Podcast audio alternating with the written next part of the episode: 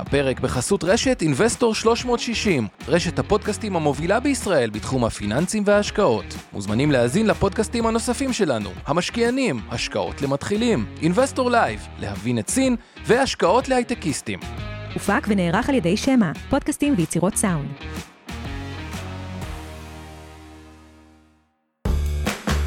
השקעות למתחילים אבנר סטפאק ועומר רבינוביץ' עוזרים לכם בצעדים הראשונים בעולם ההשקעות.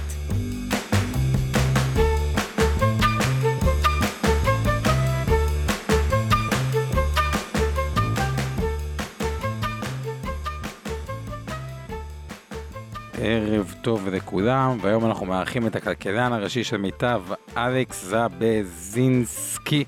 מקווה שאמרתי את זה נכון, שבכלל גם יש הרבה כתבות בעיתונות, ואני באופן אישי עוקב אחרי מה שהוא אה, אה, כותב, ובטוח שיהיה מאוד מאוד אה, מעניין, נחשב לאחד הכלכלנים היותר מוערכים בשוק הישראלי. אז קודם כל כיף לפגוש אותך, לא יצא לנו ככה הרבה לדבר ביומיומית, אני בעיקר מכיר אותך מהמעקב שלי אחרי הכתבות שאתה עושה, ויש לנו הרבה מה לדבר היום.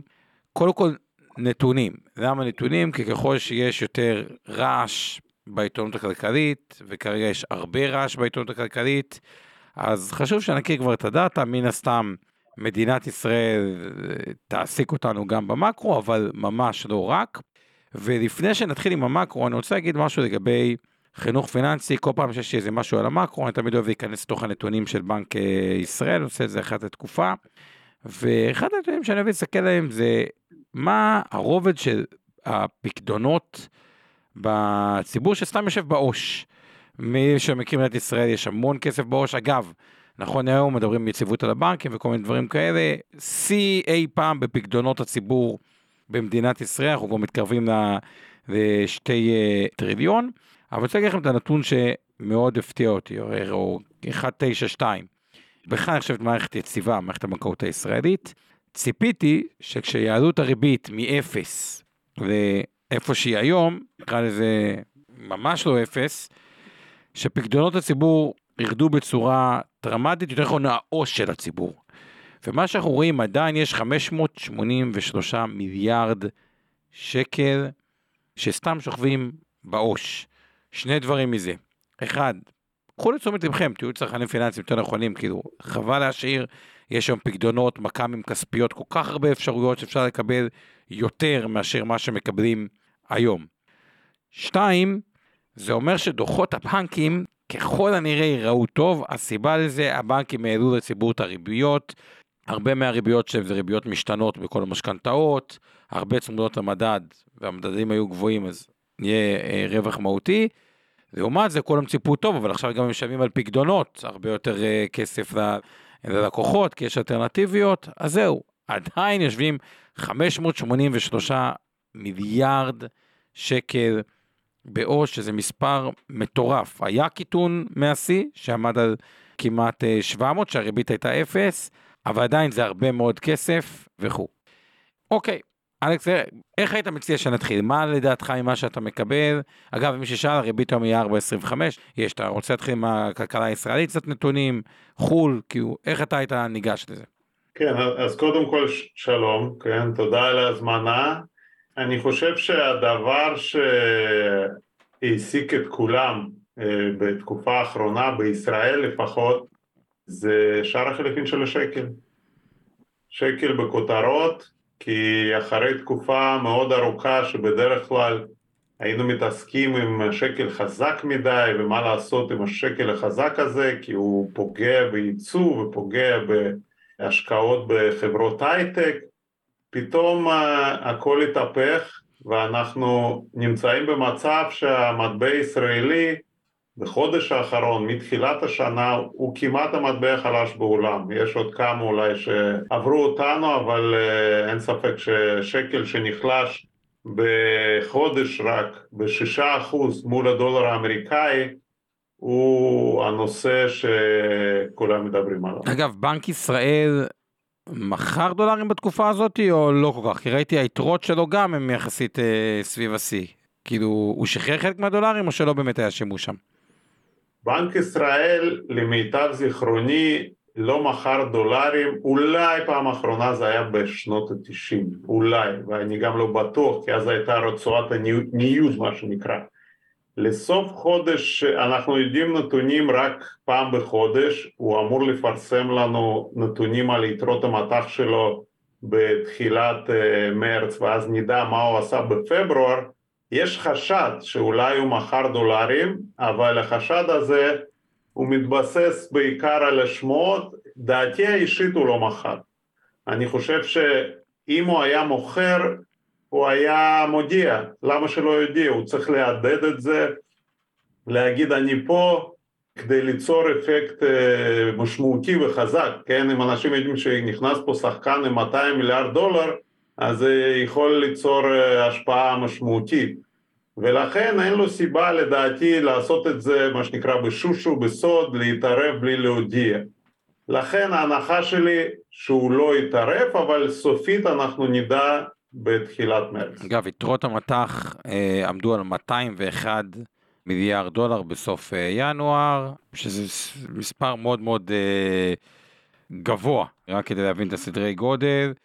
ב-2007 יתרות המטח של מדינת ישראל היו בערך 30 מיליארד, אז זה ככה קצת אה, נתונים. אגב, למה זה כזה חשוב, כאילו, למי ששואל, היתרות המטח שיש במדינת ישראל, האם יש שם איזושהי תקרה כאילו לדולר? כלומר, מן הסתם ככל שהדולר ירד, הנגיד אפילו מצד תיאורטית אופורטיוניסטי יכול להמיר קצת דולרים, סך הכל הוא קנה אותם ב-3.2, 3.3, הייתה רצועה ארוכה שהוא קנה אותם, אבל מבחינתו זה סוג של מימוש רווח גם.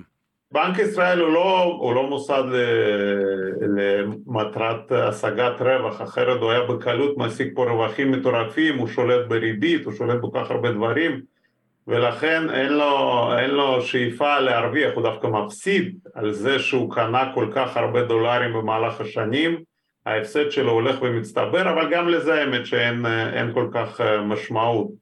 היתרות האלה הם נועדו לשעת חירום. אם במקרה מדינת ישראל תיקלע לאיזה מצור, לא יודע, תצטרך לקנות תרופות, לקנות, לקנות מזון, זה בדרך כלל אומרים זה הכסף, ובאופן כללי היתרות האלה הם סוג של, הייתי אומר, כמו נשק אטומי למדינה, אף אחד לא חושב שמדינה צריכה להשתמש בנשק אטומי, אבל עצם העובדה שיש לה זה משהו שהוא מרתיע, זאת אומרת אם, כמו שאמרתי, אם בנק ישראל היה אומר אני אולי שוקל להיכנס עכשיו ולמכור קצת דולרים כי לא, אני לא אוהב את החולשה הזאת בשקל, זה היה עושה רעש. יחד עם זאת, עדיין צריך לזכור שכשבנק ישראל קנה דולרים, והוא קנה המון דולרים, אמרת 30 מיליארד, לא, היה ב-2007, כן, 200 מיליארד, כן. 170 מיליארד דולר הוא קנה פחות או יותר במהלך השנים. 13 שנה, כן. כן, לקנות דולרים זה קל, כי הוא מדפיס שקלים, לא מדפיס במכונה אלא במחשב, וקונה דולרים, תאורטית יכול לקנות כל הדולרים בעולם. למכור דולרים, יש לו סכום סופי, הוא יכול למכור מה, רק מה שיש לו, והוא בטח לא רוצה למכור הכל, ולכן אם הוא מתחיל למכור, ולא מצליח לעצור הידרדרות של השקל כי נזכור שבעולם יש שחקנים מאוד חזקים שיכולים להמר נגד בנק ישראל, להתחיל לקנות ממנו דולרים, למכור שקלים, למכור שקלים, באיזשהו שלב בנק ישראל יגיד אוקיי אני יורד ל-160, 140, פחות מזה אני לא רוצה, כי אני צריך איזשהו, איזושהי יתרה. ואז השקל יכול לעבור פיחות מהיר מאוד, זה קרה פעם אחת, מקרה הכי מפורסם, זה קרה הרבה פעמים אבל המקרה הכי מפורסם זה עם ג'ורג' סורוס ולירה סטרלינג בשנות התשעים, שזה בדיוק מה שהוא עשה, הוא שבר את הבנק המרכזי עם העוצמה שהייתה לו, ולכן בנק ישראל, אם הוא ימכור דולרים, ואני מדגיש אם, הוא צריך מה שנקרא לחשוב טוב טוב אם הוא נכנס למשחק הזה. אוקיי, אז תמשיך רגע נתונים קצת כלכלה אה, ישראלית עוד, אוקיי, אז הדולר לתפיסתך, מה התרחיש הסביר או התרחיש הפחות סביר? כי סך הכל הנתונים של מדינת ישראל הם נתונים uh, טובים, עכשיו פרסם בנק ישראל בדיוק את התחזית שלו גם קדימה, עם כל מה שקורה עדיין גירעון יחסית נמוך, התחלנו יחס חוב תוצר נמוך, עדיין יש פה תעשיית הייטק מאוד uh, משגשגת, וגם שאומרים שישמרו חברות את היתרות המטח בחוץ, בחו"ל, בסוף כן הן צריכות להמיר את הדולרים לשקלים, כי צריך לשלם את המשכורות לכל העובדים פה, כלומר, עדיין יש גורמים שמשפיעים לטובה על השקל, שזה בעצם היה התזה המרכזית. משהו לדעתך השתנה, התחלף בצורה פרמננטית, או שיש פה איזה פאניקה ואז נמשיך לראות את השקל הולך ומתחזק, או איך אתה רואה את המצב? האמת שכלכלנים בדרך כלל כשמדברים על אה, שער החליפין של השקל הם אומרים כן משפיע עליו אה, ייצוא הישראלי והשקעות בהייטק וכל מה שאמרת אבל למעשה אם נבדוק בחמש שנים האחרונות איך התנהג שער החליפין של השקל אנחנו נמצא דבר מאוד מעניין. אנחנו נמצא שהוא התנהג בדיוק הפוך משוק המניות האמריקאי. זאת אומרת אם הייתה עלייה במדד S&P 500 שקל התחזק. ואם הייתה ירידה ב-S&P 500 שקל נחלש. כמו לדוגמה 2022 S&P 500 ירד שקל נחלש. שום דבר חוץ מזה לא השפיע האמת. כל ההשקעות בהייטק וכל ייצוא יבוא זה לא כל כך השפיע. מדוע? כי בישראל יש גופים מוסדים היום מאוד גדולים כמו מיטב או כמו מגדל וכל מיני גופים שמנהלים המון כסף. כשתיים וחצי טריליון, מתוך זה נגיד, ממה שאני ראיתי, יש סדר גודל של אה, נקרא לזה 20% מניות בחו"ל, זה 150 מיליארד או 170 מיליארד דולר מניות בחו"ל. זאת אומרת שאם הנסדק עולה, ב, אה, או ניקח את המדעים מחו"ל עולים ב-20%, אז זה... בעצם חשיפה של המוסדים למטח מאוד מאוד גדלה, ואז הם צריכים לגדר, שזה בעצם... כן, הם קובעים לעצמם, לדוגמה, שהם לא רוצים להיות חשופים למטבע חוץ ביותר מ-15%, ברגע שנסדק עולה ו-S&P עולה, החשיפה שלהם עולה ל-16, הם מוכרים דולרים. כן, וברגע שנסדק ירד, קונים דולרים. היום רוב המוסדים עומדים בערך על 20 אבל כן הרגשתי את מנהל השקעות ראשים שאולי כאילו הם החליטו טיפה להגדיל לאור מה שקורה, אז אולי זה סיבת ה...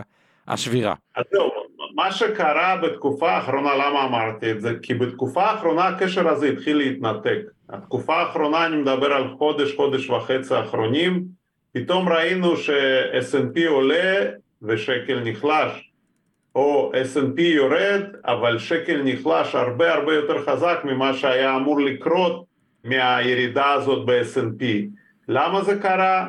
אז זה כמובן אנחנו יודעים שכל החוסר ודאות שנוצרה פה עם הרפורמה המשפטית גרמה לאנשים להיכנס קצת ללחץ ולהגדיל אה, חשיפה למטח אם זה גופים מוסדיים או אנשים פרטיים שהחליטו שהם רוצים גם יותר מטח ולכן התנהגות השקל בחודש וחצי האחרון פשוט השתנתה לעומת מה ראינו בחמש שנים האחרונות, מ-2018 לא ראינו דבר. אוקיי, okay, ומה, מה כאילו, איך אתה רואה את זה? כאילו, אם בסוף בן אדם רוצה לקחת את uh, תובנה, שזה יותר אולי הזדמנות, אם כבר, בוא נגיד ככה, כולם כבר הגדילו את המטח, והמוסדים כבר הגדילו את חשיפת המטח וכו', אולי, כי פשוט הייתה החלטה אסטרטגית, שמע, יש פה חוסר יציבות, העלו את הרף קצת של המטח, גם המוסדיים, ומפה הם יחזרו לגדר, ודווקא אולי אנחנו מקבלים פה הזדמנות להמיר, כלומר זו יותר הזדמנות לתפיסתך, צריך לתת איזה הערכה לגבי המטח, גם למיטב.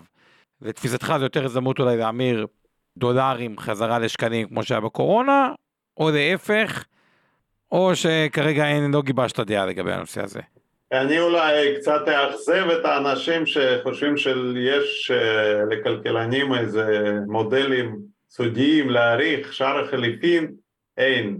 ולכן בגלל שאם האירועים היו כלכליים אז היה אפשר, היה ניתן אה, מה שנקרא לנסות להגיע לאיזשהן מסקנות כמותיות, אבל ברגע שמה שקורה פה זה אירוע חיצוני, אירוע פוליטי, אירוע שגורם לפחד ולפאניקה, קשה מאוד לדעת לאן אה, הדברים הולכים. מה שכן אני יכול להגיד שאני מניח שבנק ישראל, שהוא הגוף בעצם שאחראי על יציבות פיננסית, בסופו של דבר זה האחריות שלו, הוא גם אחראי על האינפלציה, וברור שהשקל שנחלש כל כך מהר הוא בסוף מסכן את יעד האינפלציה, גם ככה אנחנו הרבה מעל היעד, וגם פוגע ביציבות פיננסית במשק, ולכן ההנחה שלי שבנק ישראל באיזשהו שלב לא יישב בחוץ ולא ייתן לזה להמשיך מה שנקרא ולהתגלגל לכיוונים של לא יודע, אני לא יודע מספר אבל שלוש שש, שלוש שבע, שלוש שמונה, ארבע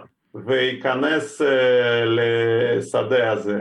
יכול להיות שבהתחלה רק דרך האמירה, לדוגמה אנחנו שוקלים כן, להתערב או שוקלים מה לעשות ויכול להיות שהוא גם יבוא למכור דולרים, יבוא להשתמש בחלק מהיתרה הזאת של 200 מיליארד דולר. אני חושב שזה תרחיש סביר, אני רק לא יודע האם הוא יעשה את זה ב-3.7 או ב-3.8 או ב-3.9 או ב-4, אבל לדעתי זה לא תהליך שימשיך מה שנקרא ללכת לבד, רק בהשפעה של פאניקה ופחד וחוסר ודאות. אוקיי, okay, בוא תן עוד נתונים על השוק הישראלי בכלל שאתה רואה, או, או התחזיות שלך.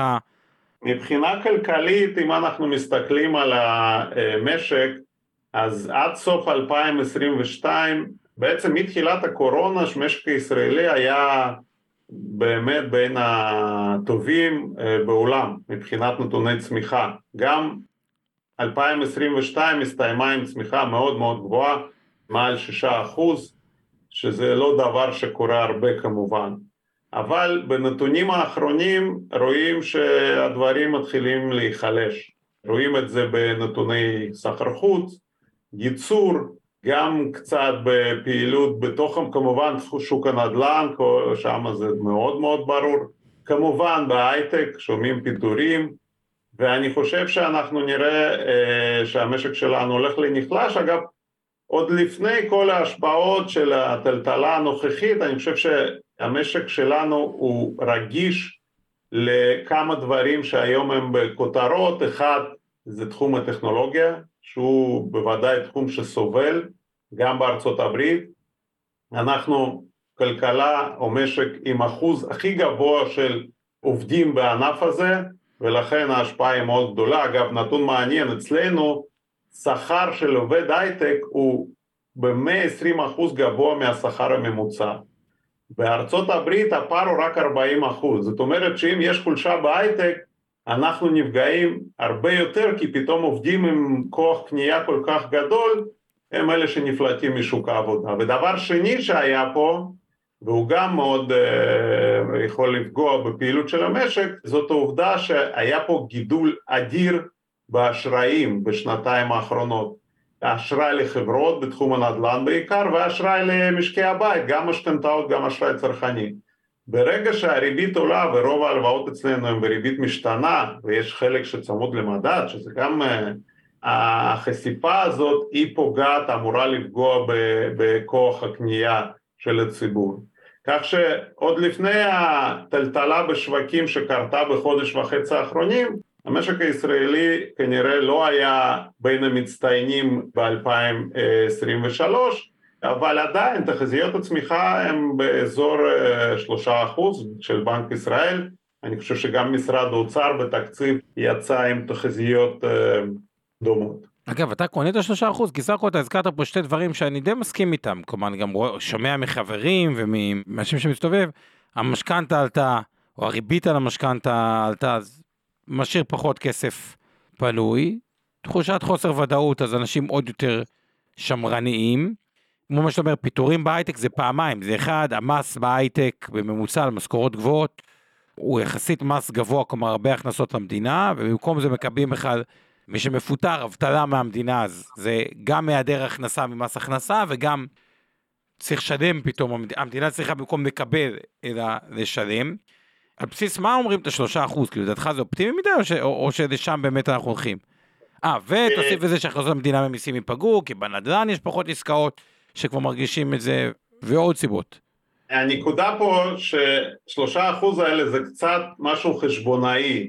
אני לא, לא רוצה לסבך אנשים, אבל פשוט ברגע שרבעון האחרון הייתה צמיחה מאוד גבוהה, זה אוטומטית מעלה את הרף של 2023 לרמה גבוהה, ואז אפילו אם משק צומח ברבעון באחוז או שני אחוז, נגיד נראה, נשמע מהאוצר צמיחה של אחוז, שני אחוז ברבעונים הקרובים, בכל ארבע רבעונים אנחנו עדיין נגיע לשלושה אחוז, כך שזה לא משהו שאפתני. אם נראה שברמה רבעונית אנחנו מינוס שני אחוז, מינוס אחוז או משהו כזה בקצב שלילי, המשק יתכווץ, אז נהיה מתחת לשלושה. כך שלושה אחוז זה לא משהו שאפתני מדי, זה יותר משהו חשבונאי. הבנתי, כלומר אה, רק כדי להבין את זה, אתה אומר, מכיוון שהולכים ארבע רבעונים אחרונים, וכבר יש את הרבעון האחרון ב-2022 לצורך העניין שהיה רבעון חזק, אז בגלל שלוקחים גם אותו בחשבון, אז גם אם התוצאות הן בינוניות של הרבעונים הבאים, הן עדיין מקבלות את הבוסט כביכול מהרבעון שהיה. אתה מתחיל שנה כבר מהרמה הגבוהה, אפילו אם לא צמחת, בממוצע התוצר שלך ב-2023 הוא יהיה יותר גבוה מ-22, עדיין תהיה לך צמיחה, גם אם לא צמחת מרבעון לרבעון. זה משהו שהוא חשבונאי אה, מבחינת חישובים, אבל אה, זה לא אומר שהשלושה אחוז זה צמיחה נורמלית, זה פחות מנורמלית. אוקיי, אז זה ככה קצת לגבי ישראל, אז אוקיי, בוא תן עוד כמה דברים לפני שנעבור לעולם אה, על ישראל. כמובן שמה שבלט מאוד זה ביצועי חסר של השווקים בישראל. אנחנו מתחילת שנה, מדד תל אביב 125 ירד ב-4%, S&P אמריקאי עלה ב-4%, נסדק עלה ב-10%, באירופה הבורסות עלו 8%, בסך הכל תת ביצוע של מדד המניות הישראלי מבערך סוף אוקטובר הוא כבר 20 אחוז. אותו דבר ביצועי חסר ראינו גם באפיק האגרות חוב הממשלתיות וגם באפיק אגרות חוב קונצרניות גם כן במצטבר מסוף אוקטובר משהו כמו 6-7 אחוז כך שיש פה בבירור איזושהי אה, פעילות שהיא אה, נחותה בישראל יחסית לשווקים האחרים אה, בעולם, זה לגמרי מה שנקרא במסכים. אני אגיד לך מה לא מסתדר אצלי רגע בנתונים, ואני פה אגב כנראה בדעת יותר יחיד, או זה לא הדעה הרווחת, אני רוצה כאילו לאתגר את הדעה הרווחת, כי מה הדעה הרווחת באה ואומרת? כשיש חוסר ודאות, בטח פוליטית, בטח יציבית, בטח מטבע או, או יקרות חובלות, זה הזמן כביכול להסיט כספים, וגם אתה כתבת על זה, אני חושב, באחד הפרסומים, להסיט כספים מהבורסה הישראלית כביכול לבורסת חו"ל. ואני אגיד לך רגע מה לא לגמרי מסתדר אצלי, או, או, או, או מה אני רוצה לאתגר, או בשפה המקצועית להיות קונטרריאן, אה, ואני אשמח לשמוע את דעתך על זה. בסוף, כשאני מסתכל על הבורסה הישראלית, יש פה המון חברות במכפילים אטרקטיביים יחסית לבורסה האמריקאית. אני יכול להזכיר חלק מהחברות, אבל לצורך העניין, המכפיל הממוצע בישראל נמוך משמעותית מהמכפיל האמריקאי. כשאתה דווקא מסתכל על מחירי השכירות, או התשואה על נדל"ן בישראל, אז נוצר מצב שבארצות הברית, בהרבה מקומות, דווקא תשואת שכירות בארצות הברית היא הרבה יותר גבוהה מהתשואת שכירות של נדל"ן בישראל. כלומר, אם בישראל נדל"ן נותן 2.5 או 3 אחוזים, המכפילים על מניות בישראל הם נמוכים, המכפילים בארצות הברית על מניות הם יותר גבוהים, הנדל"ן בארצות הברית באופן יחסי לישראל זול משמעותית, והנדל"ן בישראל יקר משמעותית. על פניו, בכזה מצב, והיה שיחות עם כמה לקוחות לאחרונה, לאור המצב, וזה שוב, תלוי כל אחד והתפיסות שלו, נראה שהבורסה הישראלית, ואני שם רגע בצד מניות נדל"ן, שעוד רגע נדבר על סקטור הנדל"ן, בהרבה פרמטרים היא מעניינת יחסית לשווקים בחו"ל, ולא רק זה, כאילו, מה זה מצב כלכלי רע? יש לך הרבה חברות, נובה, קאמטק, מיטרוניק, פריון, טאוור, שבעצם המכירות שלהם, המצב האידיאלי בשבילם הוא דולר חזק, כי המכירות שלהם בדולרים, שוק תעסוקה יותר חדש, כי המשכורות שהם מספקים פה בשקלים אז פחות תחרות, וכל זה על רקע מכפילים נמוכים. אז על פניו נראה שהנדל"ן פה קצת יותר יקר ממה שהוא צריך להיות. שוק ההון ברמת המיקרו, כשהם בודקים את החברות, יש פה הרבה דברים מאוד מאוד מעניינים, ואולי הברית המצב הוא קצת הפוך, שוק הנדל"ן הוא בחלק מהמקומות הוא, הוא, הוא מעניין והמכפילים יותר גבוהים. אז קודם כל, איך אתה רואה את הנדל"ן, ועל בסיס מה ההנחה שלך שהשוק האמריקאי ייתן תשואה עודפת לשוק הישראלי, או, או, או איך אתה רואה את התמונה שתיארתי, אולי אתה גם לא מסכים איתה. לא, אני מסכים, כל מה שאמרת זה לגמרי נכון.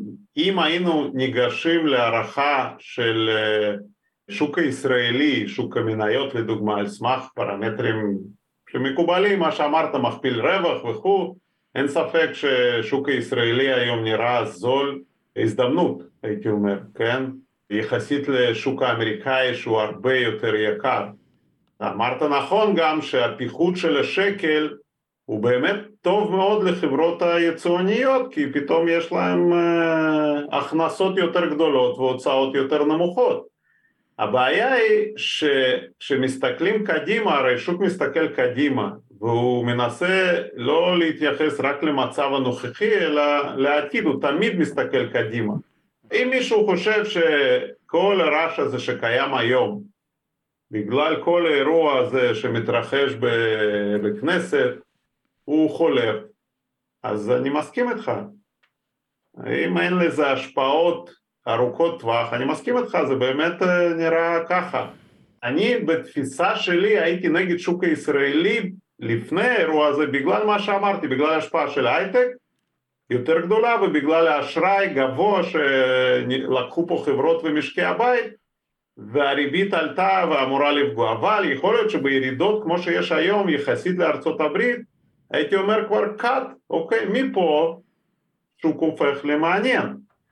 אני רק לא יודע לתמחר את הסיכון הזה שקיים בשינוי ש, שמנסים להציג, כן, ואפשר לדבר על זה בלי סוף כמובן, אני חושב שיש פה באמת פוטנציאל אה, השפעות לא לחצי שנה ולא לשנה אלא לטווח ארוך. וזה קשה לתמחר, קשה לתת לזה תג מחיר ולהגיד זה שווה X או Y ובמחיר כזה אני כן אקנה את ישראל ובמחיר אחר אני לא אקנה את ישראל. כל עוד אנחנו לפחות שנדע לאן זה הולך, זה הולך לפשרה, זה הולך לרפורמה כזאת או אחרת ואז אולי נוכל כן קצת להתייחס לזה אבל הכל באוויר, הכל לא ברור ולכן לדעתי עדיין בשלב הזה כדאי לנקוט בגישה זהירה. אגב, לגבי נדל"ן בארץ, אני רואה, וזה אחד מהדברים ששוק ההון, אתה אומר, צופה פני עתיד, חברות כמו חנן מור, מגורית, ישראל קנדה, צריך להגיד גם חברות ממונפות, האמת, ישראל קנדה וחנן מור אה, אה, יותר, קריסה של 42 אחוז החודש, מסתכל פה חנן מור, או 75 אחוז 12 חודשים. ברור שזה יותר מהנדל"ן, כי זה הכל חברות ממונפות, וחברה יכולה לפשוט רגל תיאורטית גם על רקע בעיות נזילות, ולא רק על קשר, והיא לא קשורה רק למחירי נדל"ן. מצד שני, מחירי הנדל"ן של הבית, שבן אדם בא למכור בית, הוא עדיין לא כזה רחוק משיא כל הזמנים, גם אם הייתה אולי ירידה קטנה. איך אתה מסביר את זה, או שכאילו, יכול להיות שאנחנו, הנדל"ן עצמו, הוא, הוא הולך להיכנס לסוג של קיפאון, כאילו מי שיקנה אותו, כאילו, איך אתה רואה את כל הסגמנט של הנדל"ן? שוק ההון בחברות נדל"ן הוא סקפטי. בנדל"ן עצמו, איך אתה רואה שם את התמונת מצב? תראה, הנדל"ן בסוף נכון שיש מחסור בדירות ויש בישראל אולי הוא יותר חריף ממדינות אחרות למרות שאני לא בטוח אגב. כן אבל גם בעזה אני... יש מחסור ואין פנטהאוזים בעזה ב-200 מיליון דולר כלומר הצפיפות היא לא, כאילו, ש... בסוף זה כוח קנייה.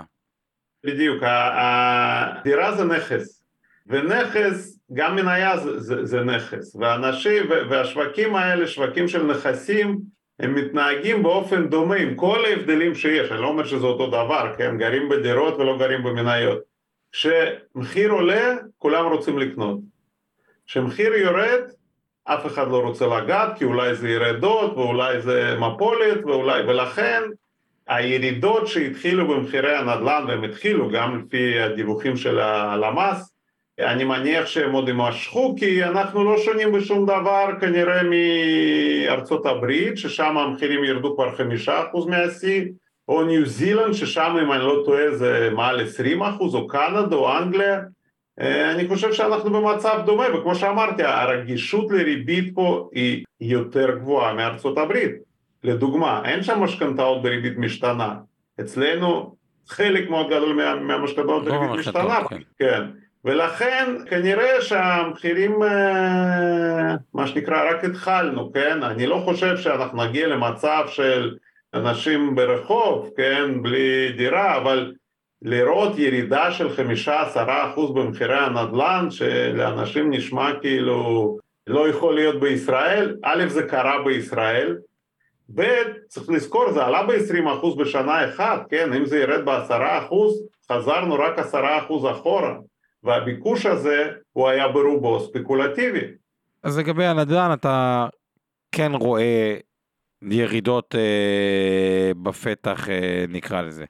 אני חושב שכן, אני חושב שזה מאוד uh, סביר, uh, ריבית עולה, היא עלתה עכשיו אגב יותר ממה שחשבו ואולי תעלה עוד, המשק נכנס להאטה, אני מאמין שאנחנו נראה, רואים כבר ששיעור האבטלה עולה, אני מאמין שאנחנו נראה שעולה יותר, כך שיש לו, יש פה מכל הכיוונים לחץ שהוא בדרך כלל יוצר uh, מצב של uh, ירידה במחירי הנדל"ן.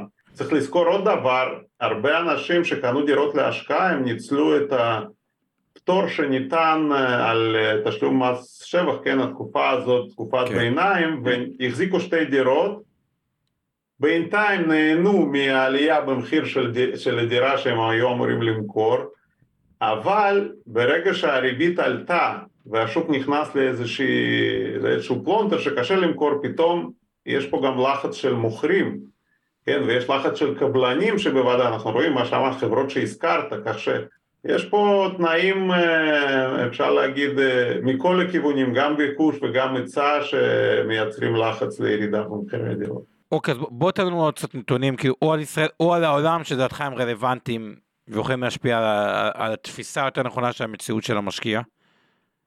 אני חושב שהדבר מאוד מעניין, וטיפה נזוז אולי מישראל, אלה הנתונים שהתחילו להתפרסם לאחרונה בעולם. הרי התחזיות, גם, גם שלי, גם שלנו, רוב הכלכלנים בעולם היו, אוקיי, נכנסים להאטה, אולי מיתון, והוויכוח היה האם זה מיתון קשה, ארוך, או מיתון יותר קל וקצר, וזה בגלל עלייה באינפלציה ועלייה בריבית. ובאמת התחלנו לראות נתונים הולכים ומה שנקרא מידרדרים בארצות הברית, ישראל לא לבד, כן, דיברתי פה על נתונים בישראל, אבל גם באירופה כמובן, וגם בארצות הברית וגם במדינות אחרות נתונים יהיו פחות טובים. נכון. אבל פתאום בחודש, חודשיים האחרונים קרה דבר מפתיע. רואים שיפור בנתונים כלכליים, גם בארצות הברית, גם באירופה, גם במדינות אחרות. חלק אפשר להסביר, לדוגמה, באירופה היה חשש מחורף קשה ומחסור באנרגיה, לא היה חורף קשה לאכזבת הרוסים ולשמחת האירופאים והפעילות היא יותר טובה והצרכנים קונים והמפעלים מייצרים, זה אפשר להבין. בסין אני יכול להבין כמובן, יצאנו מהקורונה, כולם בחוץ, אין יותר מגבלות. אגב, שזה גם הברית... אה, לחץ על האינפלציה, כי הסינים עכשיו, אה, מה שקרה בעולם, עכשיו קורה בסין אחרי כמה שנים שהיה שם אה, מדיניות סגר, שאפילו יותר אגרסיבית ממה שהיה בעולם. נכון, נכון. אבל בארצות הברית העלו ריבית מ-0 למעשה לכמעט חמישה אחוז. נתונים באמת התחילו להראות הרעה בפעילות, ואז לפני חודש-חודשיים נתונים התחילו להשתפר, גם נתוני, קודם כל אין, אין הידרדרות או איזושהי הרעה בשוק העבודה, שזה כולם חיכו. להפך, משק מייצר המון משרות, אבטלה ברמה הכי נמוכה אי פעם.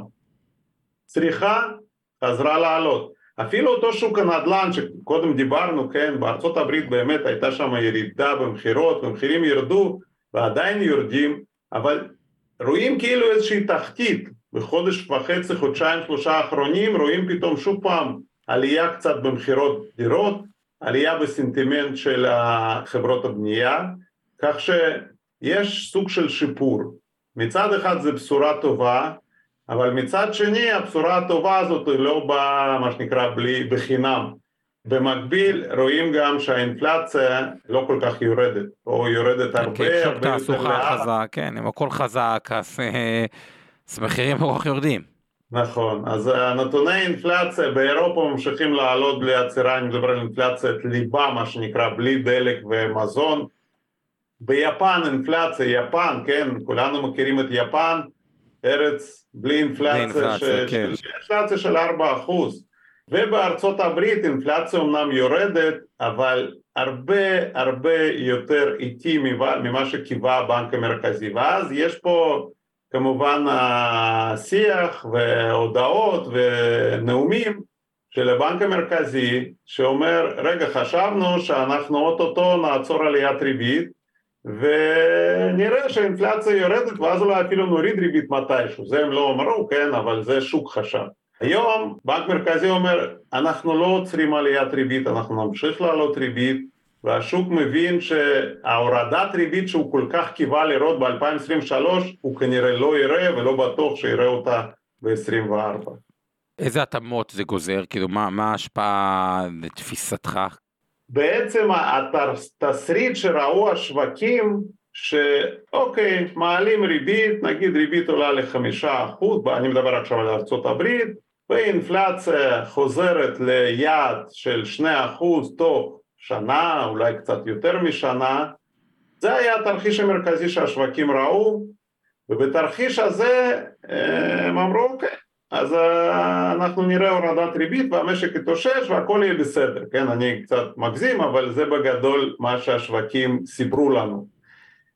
אבל צריך לקחת בחשבון שזה דבר שמעולם לא קרה, לא היה דבר כזה שאינפלציה כל כך גבוהה הצליחו להוריד עם ריבית שהיא נמוכה מהאינפלציה בפרק זמן כל כך קצר, כך שהשווקים בנו איזשהו תרחיש שהוא מעולם לא קרה בארצות הברית. אני יכול לתת דוגמה, מי שזוכר היה הנגיד האגדי בארצות הברית גרינספן, כן?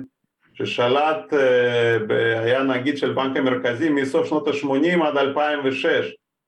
למעשה כמעט כל הקדנציה שלו הוא ניסה להוריד אינפלציית ליבה, אמרתי בלי דלק ומזון, לרמה של 2% מכ-5% וזה לקח לו יותר מעשר שנים.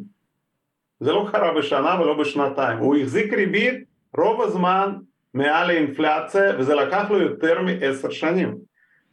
ולכן יכול להיות שזה לא כל כך קל להיפטר מהאינפלציה ויש לזה הרבה משמעויות לשווקים, לדוגמה שוק אגרות החוב שהיה בנוי על זה שהאינפלציה יורדת מהר, שהריבית עלתה לארבע, היום 75, אנחנו ראינו שהאגרות חוב הכי ארוכות נסחרות הרבה מתחת לריבית של בנק מרכזי, מה שאומר שהשוק אומר הריבית הולכת אוטוטו לרדת. שוק המניות, גם לו לא יש משמעויות, כן? ריבית יותר גבוהה לאורך זמן, שזה מה שכנראה הולך לקרות. שיעורי היוון יותר גבוהים.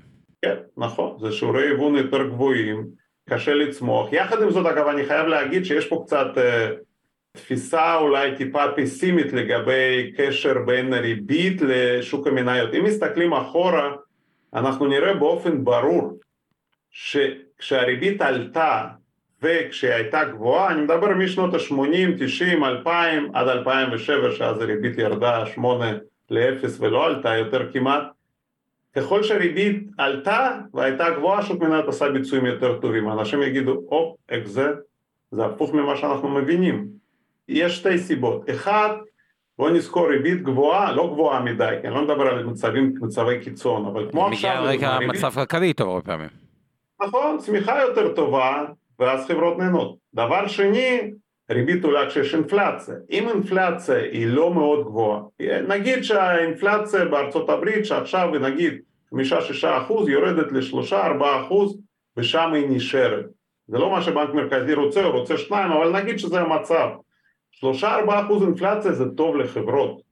חברות יודעות, מה שנקרא, להרוויח, לגלגל את האינפלציה הזאת על הלקוחות שלהם ולהרוויח יותר. רואים את זה בבירור ששולי רווח של החברות בתקופות של אינפלציה יותר גבוהה הם יותר גבוהים. עד גבול מסוים, אם אינפלציה תהיה 10%, 8%, 15%, אז לא, כולם ייפגעו, שוק מניות לא יחזיק מעמד.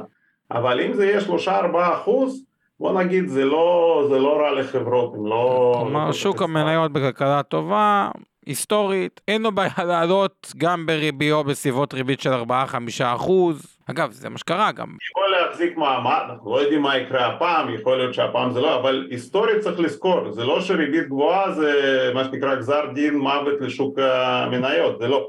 אגב, יש פה עוד איזושהי תפיסה שהיא הפוכה מהניסיון ההיסטורי, הרי מה אנחנו זוכרים מ-2022?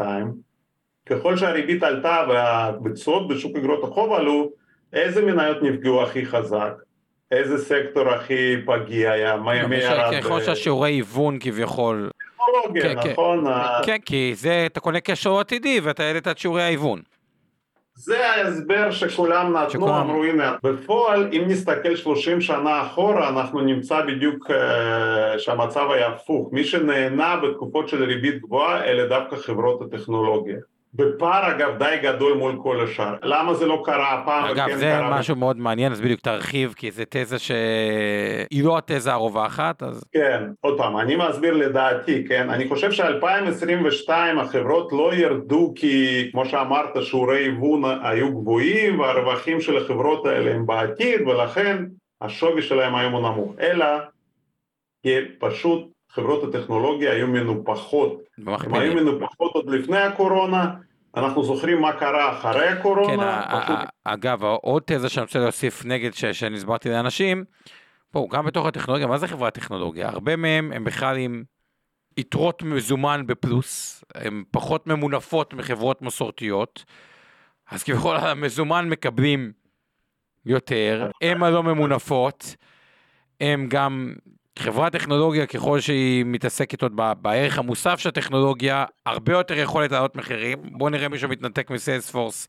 או ממייקרוסופט, מהאופיס שלו כי העלו לו את המחיר, אז גם יש שם כוח מיקוח באינפלציה, גם יש שם מינוף נמוך, ועל פניו זה לא באמת רע, אז כמה הסבירו זה שיעורי ההיוון, אבל זה כי גם זה פגש מכפילים מאוד גבוהים. כן, זה, זה בדיוק, אתה צודק, הן באמת לא ממונפות ויש להן יכולת, אה, מה שנקרא price power, יכולת לגלגל מחירים בדרך כלל גבוהה מאוד, כי זה שווקים שיש להם יתרון ייחודי, ולכן הם היו הטובות ביותר בתקופות של עליית ריבית. אבל מה, מה לעשות? הם הגיעו למשבר הזה מנופחות כל כך, תסתכל על ה... אז, אז בוא, בוא נעזוב את הגוגל ומייקרוסופט, כן? בוא נסתכל על כל הסטארט-אפים.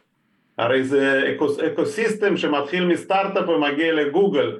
השווים שראינו בישראל של אה, כל מיני הודעות, שני יזמים בני 23 שפתחו סטארט-אפ לפני שבועיים, אה, מכרו אותו בשני מיליארד דולר, אני כן קצת כן, מגזים, מקסים, אבל, כן. אבל זה מה ששמענו. למה זה קרה? זה לא כי פתאום המציאו איזה משהו, פשוט היה המון כסף זול וכולם חיפשו איפה לשים אותו ואמרו אוקיי כבר בשוק ניפחנו מחירים עד השמיים בואו נכניס את זה לקרנות הון סיכון לסטארט-אפים כי שם עושים אקזיטים תוך שנתיים בשווים מטורפים כל התחום הזה פשוט התנפח וב-2022 הוא, הוא פשוט אה, בועה אה, אתה אומר, בסך הכל היה צריך תירוץ, וזה היה התירוץ התורן.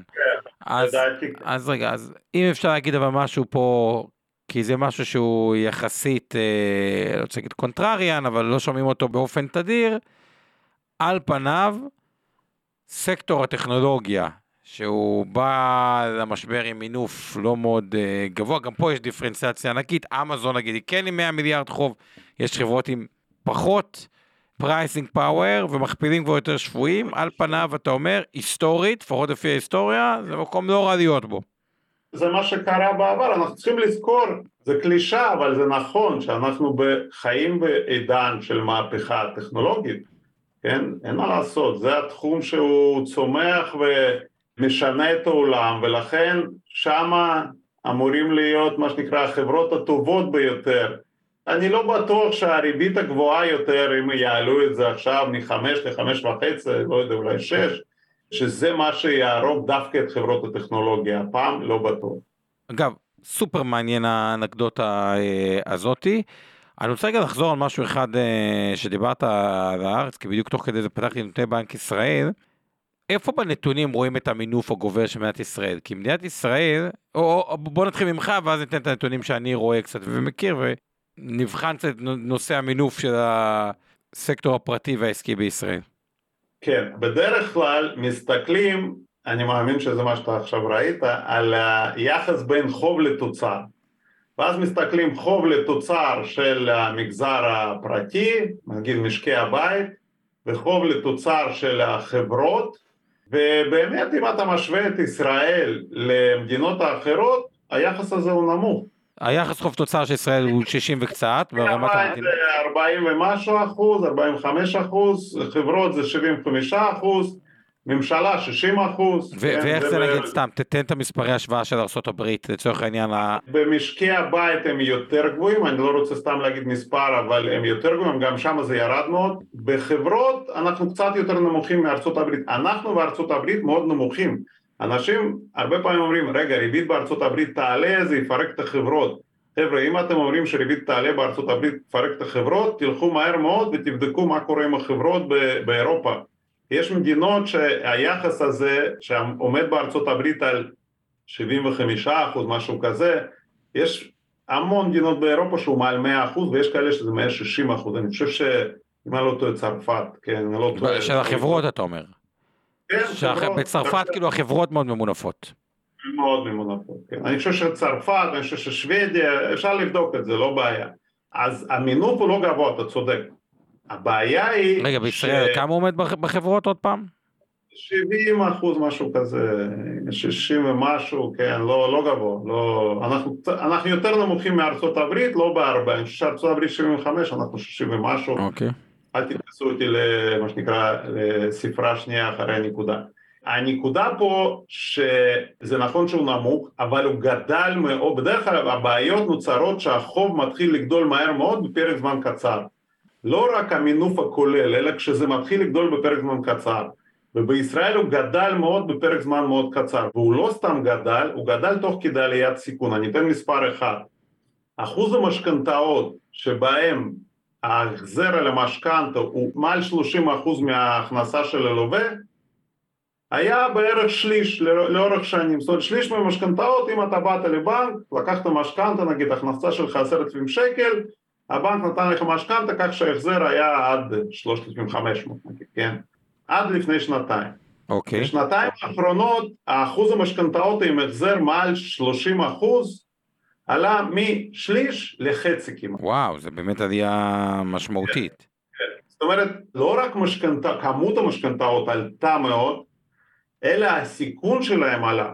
אז מה קורה כשהריבית עולה ועולה מהר כמו שהיא עולה היום? מישהו לקח משכנתה, היה צריך להחזיר מתוך עשרת אלפים, ארבעת אלפים או חמשת אלפים אולי, והוא חשב, אוקיי, אני מה שנקרא אמתח את עצמי כמה שאפשר, אבל אני אעמוד בזה. אני אגיד גם שהרבה הרבה פעמים אנשים כאלה הביאו לבנק סוג של הון עצמי, שזה בעצם הלוואה ממקום מקרן אחר. השתלמות, כן? כן, מקרן השתלמות, קופת גמל או משהו כזה. כן, מינוף על מינוף, מה שנקרא. הריבית עולה בפחות משנה, מ-0 ל-4.25 ואולי תעלה עוד, ברור שזה מתחיל לחולל פה מה שנקרא בעיות אה, מפה עד הודעה חדשה, אנשים שנמתחו אין להם כבר יכולת להימתח עוד יותר, ואז מה הם עושים? מתחילים לקצץ בהוצאות, מתחילים לקצץ בבילויים, חופש וכו', ולכן נכון שהמינוף הוא לא גבוה, אבל גידול המהיר שלו ומה שנקרא הכניסה לאזורים אה, קצת מתוחים מדי הם אלה שייצרו פה בעיות אה, בשנה הקרובה. אוקיי, אז בסקטור העסקי אתה אומר, גם ראינו גידול, משכנתאות אה, גידול, אגב, מכמה לכמה בסקטור הפרטי? במשכנתאות לא, בכלל, בסקטור הפרטי המינוף בישראל, אתה אומר, הוא באזור ה-40 ומשהו אחוז, איך זה יחסית למדינות אחרות? הוא היה באזור 40 אחוז, עלה מהר מאוד ל-44-45 אחוז, עוד פעם אני לא, לא זוכר בדיוק, פשוט הגידול היה מאוד מאוד מהיר, בחברות גם היה מאוד מאוד מהיר, והבעיה בחברות שרוב ההלוואות האלה הם ניתנו על ידי הבנקים, זה אגב מעניין, זה לא שוק האג"ח, זה לא גופים כמו גופים מוסדיים, זה הבנקים, אלה הבנקים, וחלק גדול מהחובות לתחום הנדל"ן. עכשיו, ועוד דבר אני אגיד מעניין שראיתי לאחרונה, שהחברות התחילו לקחת הלוואות גדולות יותר ויותר, ואני מדבר עכשיו בחודשים האחרונים, לא חל גידול במספר הלוואות, אלא בסכומי הלוואות, וההלוואות האלה נהיו הרבה יותר קצרים לפרקי זמן קצר. בממוצע ב-30% ירדה התקופה של ההלוואות, הלוואות עסקיות הן קצרות, הן היו נגיד 0.8, 8 חודשים, עכשיו זה חצי שנה, חמישה חודשים. איך אני מפרשן את זה? למה בנק פתאום התחיל לתת הלוואות גדולות לטווח קצר? כן, לא, ש... לא לראות, הן צריכות מימון, מה שנקרא מימון הון חוזר, זאת אומרת כסף לשוטף, והבנקים בינתיים מממנים להם את, ה... את הכסף הזה בהלוואות יותר ויותר גדולות, אבל אני לא רואה כרגע איזשהו שיפור פתאומי במכירות של הדירות בשוק הנדל"ן, ולכן אני מאמין שהקשיים שאתה הזכרת של חברות הנדל"ן זה משהו שיכול ללכת ולהתגלגל קדימה. כלומר, אם אני מסכם את החלק הזה, כל מה שקשור לצרכנות בארץ, צפוי לראות איזושהי פגיעה בהכנסה מביגוד, לבוש, אלקטרוניקה, ופדיונות בקניונים יכול להגיע באיזשהו אה, מובן, אה, רכב וכו', כתוצאה מעליית הריבית האגרסיבית של משקי הבית, או החלק היותר גדול שהמשכנתה פתאום לוקחת מתוך ההכנסה הפנויה. הבנקים, בגלל שאני גם רואה את היתרות מטח.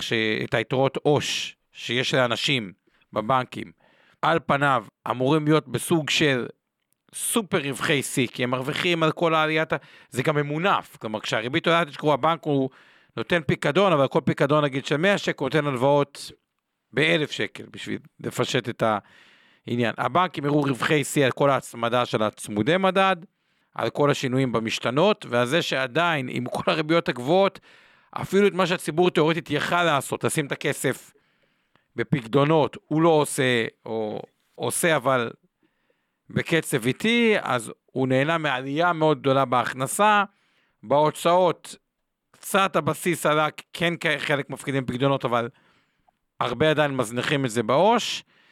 אבל כל זה מגיע עם איזשהו חשש, אתה אומר, ספציפית סקטור הנדל"ן, ששם רואים הלוואות צעות גדולות, שזה בגדול הבנק מחזיק לעסקים את היד שלא ייפלו כדי לא להיכנס לבעיות, כי בסוף הבנק הוא לא נדל"ניסט, וזאת פצצה שלא ברור לגמרי, אתה אומר, איך היא תנוטרל. כלומר, האם הכלכלה, החוזק של הכלכלה כן יצליח לספוג אולי את הנדל"ן, או שתהיה ירידה מתונה ואיכשהו החברות יעברו לזה, או שניכנס פה לקיפאון, ואז הבנק לא יוכל להמשיך עם הקטע של, טוב, עוד הלוואה קצרה, עוד הלוואה קצרה, לכסות ההלוואה הקצרה, כאילו מתישהו זה יצטרך להיגמר, פישמן רץ עם זה הרבה שנים, אבל הבנק לא יעשה את זה עם כל עסק, כאילו, זה פחות או יותר תיאור של המצב? כן, אני חושב שזה התיאור של המצב. אגב, צריך להגיד, זה מה שנקרא מחזור עסקים רגיל, כן? כך קורה. המשק צומח, מתנפח, אשראים, כולם שמחים וחושבים שהכל יהיה טוב, ואז הריבית עולה ומתחילה הנסיגה. אין פה משהו חריג, כן? זה קורה לפעמים יותר חזק, לפעמים פחות חזק. מקווה שהשנה המחזור הזה, שייקח אותנו קצת למטה, הוא לא יהיה חד מדי וחריג מדי, אה, ונצא מזה עם נזקים כאלה ואחרים, אבל זה קורה, אין מה לעשות בכלכלה, אין תמיד רק אה, רווח ומה שנקרא פריחה ושמחה.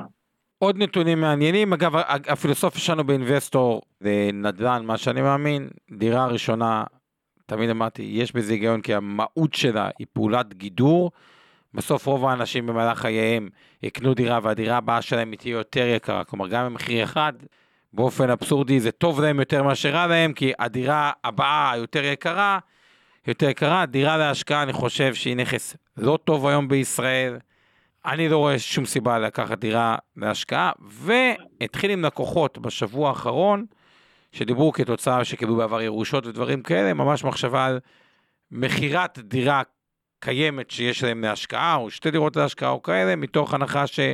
כשמסתכלים אפילו על אג"חים של חברות כמו, לא יודע, מדיסון, שזו חברה מאוד יציבה, 2.5 פלוס מדד, שהמדד הוא 3-4 אחוז, כלומר 5-6 אחוז, דירה 2.5 כנכס השקעתי, ולא כנכס גידורי, כדירה ראשונה של לשמור על כוח הקנייה, עושה פחות אה, שכל, הקטע הגיאופוליטי והנזק שזה, או כוח קנייה, כל אחד ייקח את זה לפי הדעות שלו.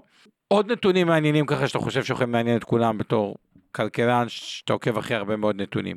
כן, אז קודם כל אני רק uh, באמת לחזק את מה שאמרת, תראו אפילו בלי חברה, תסתכלו על התשואות של אגרות חוב ממשלתיות לשנתיים, שלוש, ארבע שנים, ארבע וחצי, ארבע ארבע, ארבע שש, אני חושב שזה אה, יכול להיות מאוד מעניין בהנחה ששוב פעם אנחנו מה שנקרא במהלך עסקים רגיל עם האטה, כן, האטה אמורה להביא אגב לירידה באינפלציה אם אין פיחות מהיר וזה באמת משהו שהוא שווה לאנשים להסתכל, שוב פעם זה של המדינה, זה אפילו לא של החברה, אם אנחנו הולכים לחברות אז חברות אה, באמת בדירוגים גבוהים אנחנו משיגים עוד אה, אחוז מעל, כן, כמה מעל אמרת? כמה זה? תלוי, אם אנחנו הולכים לדירוגים אה, גבוהים כמו איי פלוס, איי, זה יכול להיות עוד אחוז או אחוז וחצי או אחוז שבע, אם אנחנו הולכים לדירוגים A, אה, גם חברות טובות, אז שם זה יכול להיות גם שתיים וחצי ושלושה אחוז, כן? יש פה דברים שלא היו פה עשר שנים. זה מצב אה, שמעניין, כן, מעניין. תמיד משברים מייצרים גם הזדמנויות לפעמים, רק שההזדמנויות האלה הרבה פעמים רואים אותן בדיעבד, ולא תוך כדי. עוד נתונים מעניינים שככה אתה אומר שווה שכאילו אנשים יגירו, או מגמות שאתה עוקב אחריהם, ועוד מעט אני ככה, מי שיש עוד שאלות וזה, תרגישו חופשי לשאול ואני אעלה פה את השאלות. יש פה עניין של אה, אינפלציה בישראל, זה משהו שהוא קריטי, כמו בכל מקום. הגענו לקצב של 5.4 אחוז, אני מאוד מסתכל על האינפלציה בכל מיני חתכים, ואחד הדברים שהוא משפיע מאוד על האינפלציה בישראל ובכלל זה דיור, ופה אנשים הרבה פעמים מתבלבלים. מדד המחירים לא נמדדים מחירי הדירות שבבעלות. כן, זה לפי השכירות, וגם יש את הזנב הארוך של השכירות, כי הרבה העלו את השכירות בעבר, והחוזים, יש כאלה שמתחדשים, וכאילו, זה מכוח, הז... מה שנקרא, הזנב הארוך של הדיור. הנקודה פה שהריבית עובדת פה קצת הפוך, כי הרי עליית ריבית אמורה להוריד אינפלציה, אבל בדיור זה עובד, עובד קצת הפוך, כי ברגע שמעלים ריבית, אנשים, דיברנו על זה הרבה, לא הולכים לקנות דירות, ואז צריכים לגור איפשהו, הולכים לשכור דירות. עליית ריבית גורמת לגידול בביקוש לדירות להשכרה. בנוסף בישראל יש משהו ייחודי, הייתה פה, הגיעו לפה 75 אלף עולים ב-2022, שזה בערך 30-35 אלף משקי בית, אין להם דירות אני מניח ל-99 אחוז או 95 אחוז, לא יודע, הלכו לשכור. וניקח גם בעלי הדירות להשקעה שיש להם משכנתה ופתאום משכנתה עלתה ואז הם מנסים מה שנקרא על חשבון הסוחר להחזיר לעצמם חלק מהעלייה הזאת ב... בקיצור יש פה הרבה כוחות שדוחפים מחירי השכירות אה, למעלה אבל אני חושב שאם ומה שדיברנו המשק הולך להאטה בסוף היכולת של אה, בעלי דירות להשקעה לגלגל את זה על הסוחר ובמיוחד בפריפריה תלך ותהיה יותר קשה ואני מניח שאנחנו נראה דרך הסעיף הזה איזושהי התמתנות בשכר דירה בעלייה, אבל בק... לא אומר שהיא תרד, כן? אבל תעלה לא בקצב של 6-7 אחוז כמו היום, אלא נגיד 3-4 אחוז ואז נראה איזושהי פעולה משולבת שכל אינפלציה הולכת ומתמתנת, ואז אולי נוכל לראות אפילו הורדת ריבית, אבל שוב פעם אני רק מדגיש שפיחות השקל הוא כרגע המכשול מפני הירידה באינפלציה, כי אין מה לעשות, ברגע שיש פיחות והוא נמשך והוא נשאר, כל המוצרים המיובאים, אה, החל מנסיעות לחו"ל ועד למקרר ומכוניות, הכל מתחיל להתייקר ואז זה יכול לקלקל את כל הירידה באינפלציה ולא לאפשר לבנק ישראל באיזשהו שלב, נגיד בעוד אה, חצי שנה או שנה להוריד ריבית, כרגע הוא לא שם, הוא, הוא יכול להיות עוד יעלה ריבית, אבל יש פה נקודה חשובה מאוד. אוקיי, שואל פה ג'ונס, אז האם מחירי הזכויות במציאות נתונה אמורים לעלות או לרדת, אז השפעות הפוכות, עם לא מעט השפעות של עלייה. הרבה פעמים דווקא בכזה מצב, מי שיחסית יש לו הרבה מזומן, היום מאוד מאוד יכול ללחוץ קבלנים בצורה בלתי רגילה, שחלקם נמצאים בלחץ, זה הטבות מרחיקות לכת על אה, קניית אה, דירה למי שיכול להיות, אבל בקניית הדירה זה אצל הקונה, אבל הרבה גם לא יכולים להרשות לעצמם את הקניית דירה עם המשכנתאות, למרות שלפעמים קניית דירה מקבלן זה תשלם 20 עכשיו 80 אחרי זה, אבל יש פה לא מעט גם לחצים על uh, מי שלא קונה דירה, צריך להמשיך לגור בשכירות, ואז גם לחצים לשוק השכירות, אז יש השפעות סותרות. לקראת סיום ככה עוד איזה, אלכס, נתון או שתיים מהארץ ומהעולם שדעתך שווה לעקוב, או שככה משהו שיפתיע אנשים, או, או כזה רפורמה משפחתית אה, שנדע אם הוא משפיע על הכלכלה הישראלית, המשפטית. כל זה דתית זה גם תלוי בהרבה גורמי, אה, כאילו, העולם גם משפיע עלינו, אז לא ברור מה משפיע ב, באמת, אבל אלכס אולי נשאל אצלך, מתי אתה אומר שזה ודאות, או ודאות לטוב או ודאות לרע, מה בדיוק קורה עם הרפורמה הזאתי? אני כמובן אין לי מושג, כן, איך הסיפור הזה יסתיים, אבל uh, אני חושב שהנקודה פה היא באמת uh, מגזר הטכנולוגיה, צריך להבין הפעילות של המגזר הזה היא תלויה בכסף ואנשים. אין פה מפעלים, אין פה איזה השקעות קפיטליות, ואיך שהוא יתפוס את הרפורמה הזאת בסוף, זה מה שיכריע את הכל... מה שיקרה בכלכלת ישראל. אם הוא יתפוס את זה כמשהו שהוא, מה שנקרא, אפשר לחיות עם זה, אז זה טוב מאוד. אם הוא יתפוס את זה שזה משהו שהוא מאיים עליו, צריך לשאול אותם, כן, את ההייטקיסטים, זו תהיה בעיה כנראה לטווח אה, ארוך. שאלות לגבי אג"ח בישראל מול אג"ח בחו"ל, כי מן הסתם אג"ח בישראל נראה משהו שלא היה עשר שנים, אמרת את זה ונראה מאוד מעניין, אבל גם אג"חים בחו"ל נותנים תשואה, וצריך להגיד את זה, עדיין אג"ח מדינת ישראל נותן פחות מאג"ח הברית. עם כל מה שקורה פה, אז איך אתה רואה... לא, כבר לא. תלוי באיזה טווח, לא בכל הטווחים. איך אתה רואה את זה אג"ח בארץ לעומת אג"ח אה, בחו"ל? הבעיה בקניית אג"ח בחו"ל, אני לא נגד, כן? אני חושב שיש שם שוק מאוד uh, מפותח ורחב ויש שם הרבה יותר חברות ואפשרויות הבעיה בקניית אג"ח בחו"ל זה המטבע, זה חשיפה למטבע, כן? אתה יכול לקבל תשואה מצוינת רק שאם במקרה, סתם אני אומר, כל הסיפור הזה עם הרפורמה מסתיים מחר באיזושהי פשרה או בנק ישראל מתערב ומוריד את השקל ב... אני אזכיר רק שבמרץ 2020 שבנק ישראל רק אמר שהוא הולך או נתן קו אשראי, הוא לא התערב בשוק המטח ישירות אלא נתן קו אשראי לבנקים במטח ושקל התחזק בחמישה אחוז ביומיים.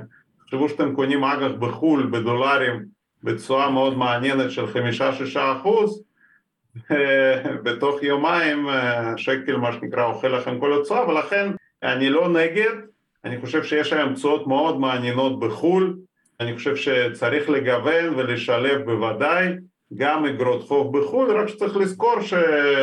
נקרא לא להגזים עם זה כי מטבע, למטבע פה יש תפקיד יותר גדול מבשוק המניות, שוק מניות יכול לעלות גם 20 אחוז, מה שנקרא אפשר לסבול אה, התחזקות של השקל, אבל כשהתשואה היא 5 אחוז, 6 אחוז, זה הרבה יותר רגיש לשאר החליפים. לגבי השאלה של רעננה, איך בתי השקעות מגדרים את עצמם בפיחות בשקל, אה, או ירידה בבורסה הישראלית, קודם כל לגדר, בתי השקעות גדולים, בוא נדבר על הגדולים והקטנים, הגדולים לא כל כך יכולים להתכונן, כי הם השוק בבורסה הישראלית היא לא מספיק שכירה, כלומר רוב הקטנה או ההגדלה של המניות שלהם תיעשה בחו"ל, וגם פה גישות שונות, יש כאלה שחושבים דווקא המחירים הזולים בבורסה הישראלית בעקבות הירידות, הם דווקא מייצרים יותר הזדמנות מאשר אין צורך להתגונן, כי לגמרי שאתה חושב שהוא אה, הזדמנותי, אז זה גם מתחלק. נגד פיחות השקל, בגדול, כל התשואות בישראל נמדדות בשקל, כלומר המוסדים נחשפים למטח, השאלה היא איזה אחוז מתוך התיק במטח, לא מכיר את השינויים שהם עשו ברצועה, הרצועה עמדה בערך על 20 אחוז מטח, 80 אחוז שקל, אגב, מטח עולה משפר את התשואות שאתם רואים בתיקים, האם הם יחליטו להגדיל את הרצועה ל-20, 21, 22, 23, או יותר מזה, זו שאלה שנדע בקרוב כשהם יפרסמו את האלוקציות, עדיין לא ברור, אני מעריך, אני מעריך, מכיוון שתמיד, תמיד שהנסדק וה-S&P עלו, ראינו פה התחזקות השקל בעקבות המכירת דולרים או תוספת הגידור שהמוסדים עשו למטח, מעריך שאולי בעקבות המשבר חיכו קצת עם הגידור, או גידרו פחות, ואז ראינו, לא ראינו בהכרח את הגידורים, פלוס חלק מהאנשים שבאמת העבירו מטח לחו"ל, שזה נתן איזשהו דאבל אפקט שטיפה שבר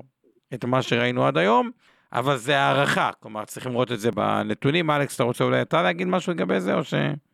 הנתונים האלה מתפרסמים, ניתן לראות את זה בפיגור, כמה מוסדים אה, חשופים למטח, כמה הם לא חשופים למטח, באמת הנתונים האחרונים היו באזור 16 אחוז, זה לא, לא הכי גבוה שהיה אי פעם, היה גם יותר, אבל זה באזורים הגבוהים. האם המוסדים יחליטו ללכת לחשיפות יותר גבוהות, אנחנו נדע מהר מאוד שיתפרסמו באמת נתונים. אתה בטוח ש-16 אחוז? אני חושב שאני, כאילו, ממה שאני הסתכלתי, אוקיי, אולי הסתכלתי על ה... אני אגיד לך למה, כי הנתונים הכוללים, כוללים גם קרנות פנסיה ותיקות, ש-70 אחוז מהתיק שלהם זה אג"ח מיועדות, אין להם כמעט... הבנתי, זהו, אני אסתכל, בענף הגמל וההשתלמות, אני מכיר ש... אתה צודק, 20 אחוז, כן. אז אתה אומר כל קרנות הפנסיה, אוקיי, זה מסביר את הפער. אוקיי, נראה לי די אה, זה, אגב, סתם, שאלה שישאל אותך, מן הסתם את הכלכלן, אז אתה משוחד, אבל יש הרבה משקיעים שהם עוסקים במיקרו, כלומר אומרים, אני אמצא חברה טובה במחיר טוב ויבין את הסביבה העסקית של היתרון התחרותי שלה, אה, אין לי מה להתעסק יותר מדי במקרו, למרות שזה מאוד מעניין. ופשוט עם חברה עם מוצר טוב, ערך מוסף, כוח מיקוח, כמו שאתה אומר, הסביבה העסקית פחות משקיעה עליה, ויש משקיעים שנותנים יותר משקל למקרו. עד כמה באמת המקרו, כאילו, תפקידו של כלכלן ראשי, או עד כמה תפיסתך המקרו בכלל חשוב בקבלות החלטה בהשקעה, או שמי שמאתר חברה טובה במחיר טוב, פשוט לתפיסתו הנהלה טובה, כוח מיקוח, קנה את זה וזהו, כאילו, תתעלם מהרעש הזה של המקרו, להפך.